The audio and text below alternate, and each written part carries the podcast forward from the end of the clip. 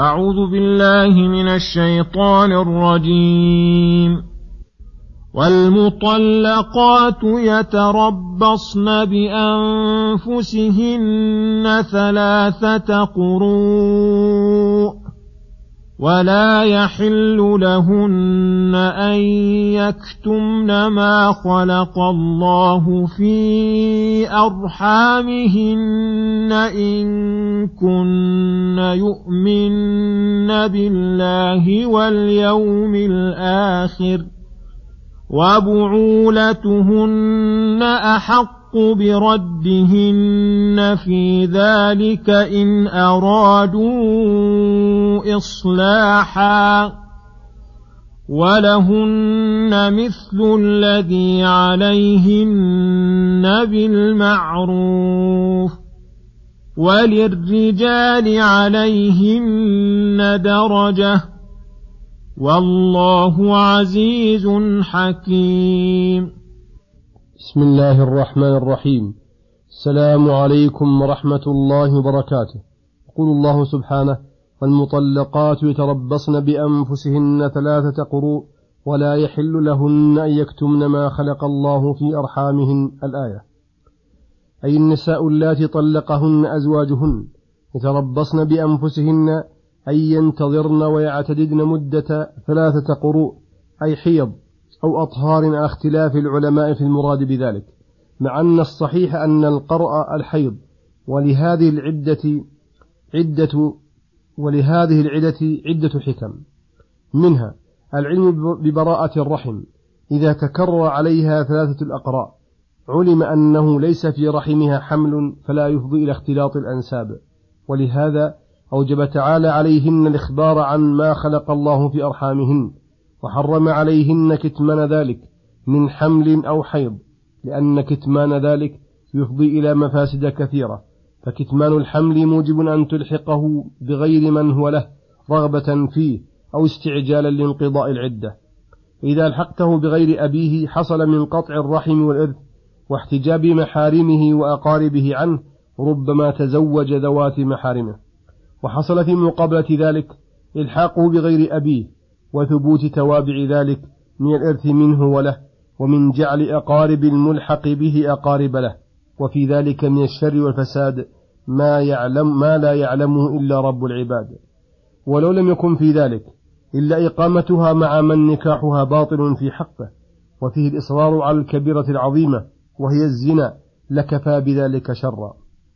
وأما كتمان الحيض إن استعجلت فأخبرت به وهي كاذبة ففيه من انقطاع حق الزوج عنها وإباحتها لغيره وما يتفرع عن ذلك من الشر كما ذكرنا.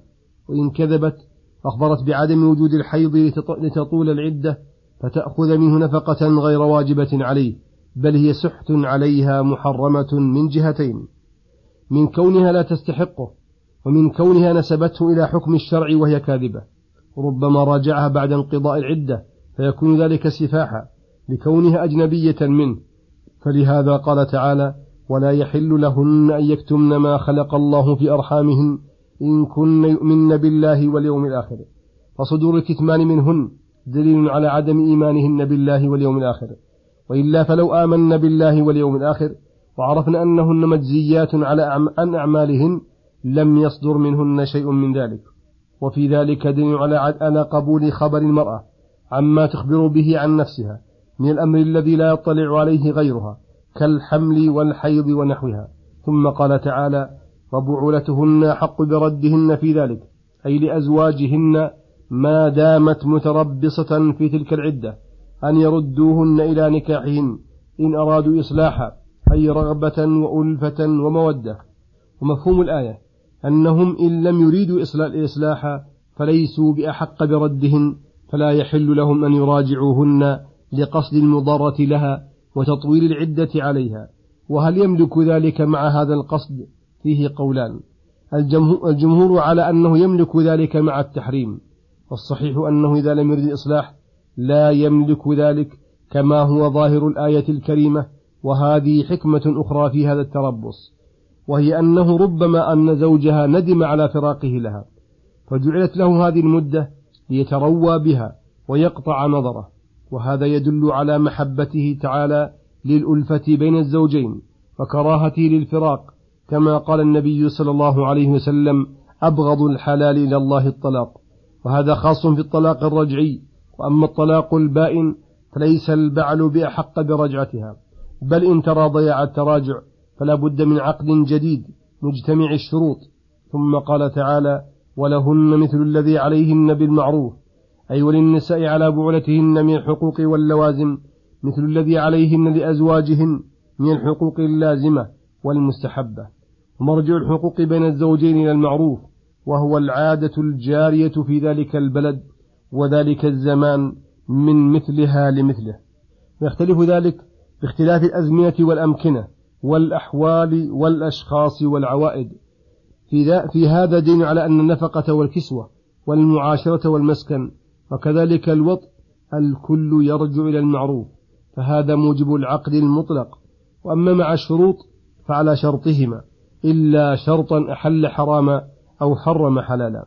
وللرجال عليهن درجة أي رفعة ورياسة وزيادة حق عليها كما قال تعالى الرجال قوامون على النساء بما فضل الله بعضهم على بعض وبما أنفقوا من أموالهم ومنصب النبوة والقضاء والإمامة الصغرى والكبرى وسائر الولايات بالرجال وله ضعف ما لها في كثير من أمور كالميراث ونحوه. والله عزيز حكيم. أي له العزة القاهرة والسلطان العظيم الذي دانت له جميع الأشياء ولكنه مع عزته حكيم بتصرفه. يخرج من عموم هذه الآية الحوامل فعدتهن وضع الحمل واللاتي لم يدخل بهن ليس لهن عدة والإماء فعدتهن حيضتان كما هو قول الصحابة رضي الله عنهم وسياق الآية يدل على أن المراد بها الحرة وصلى الله وسلم على نبينا محمد وعلى آله وصحبه أجمعين.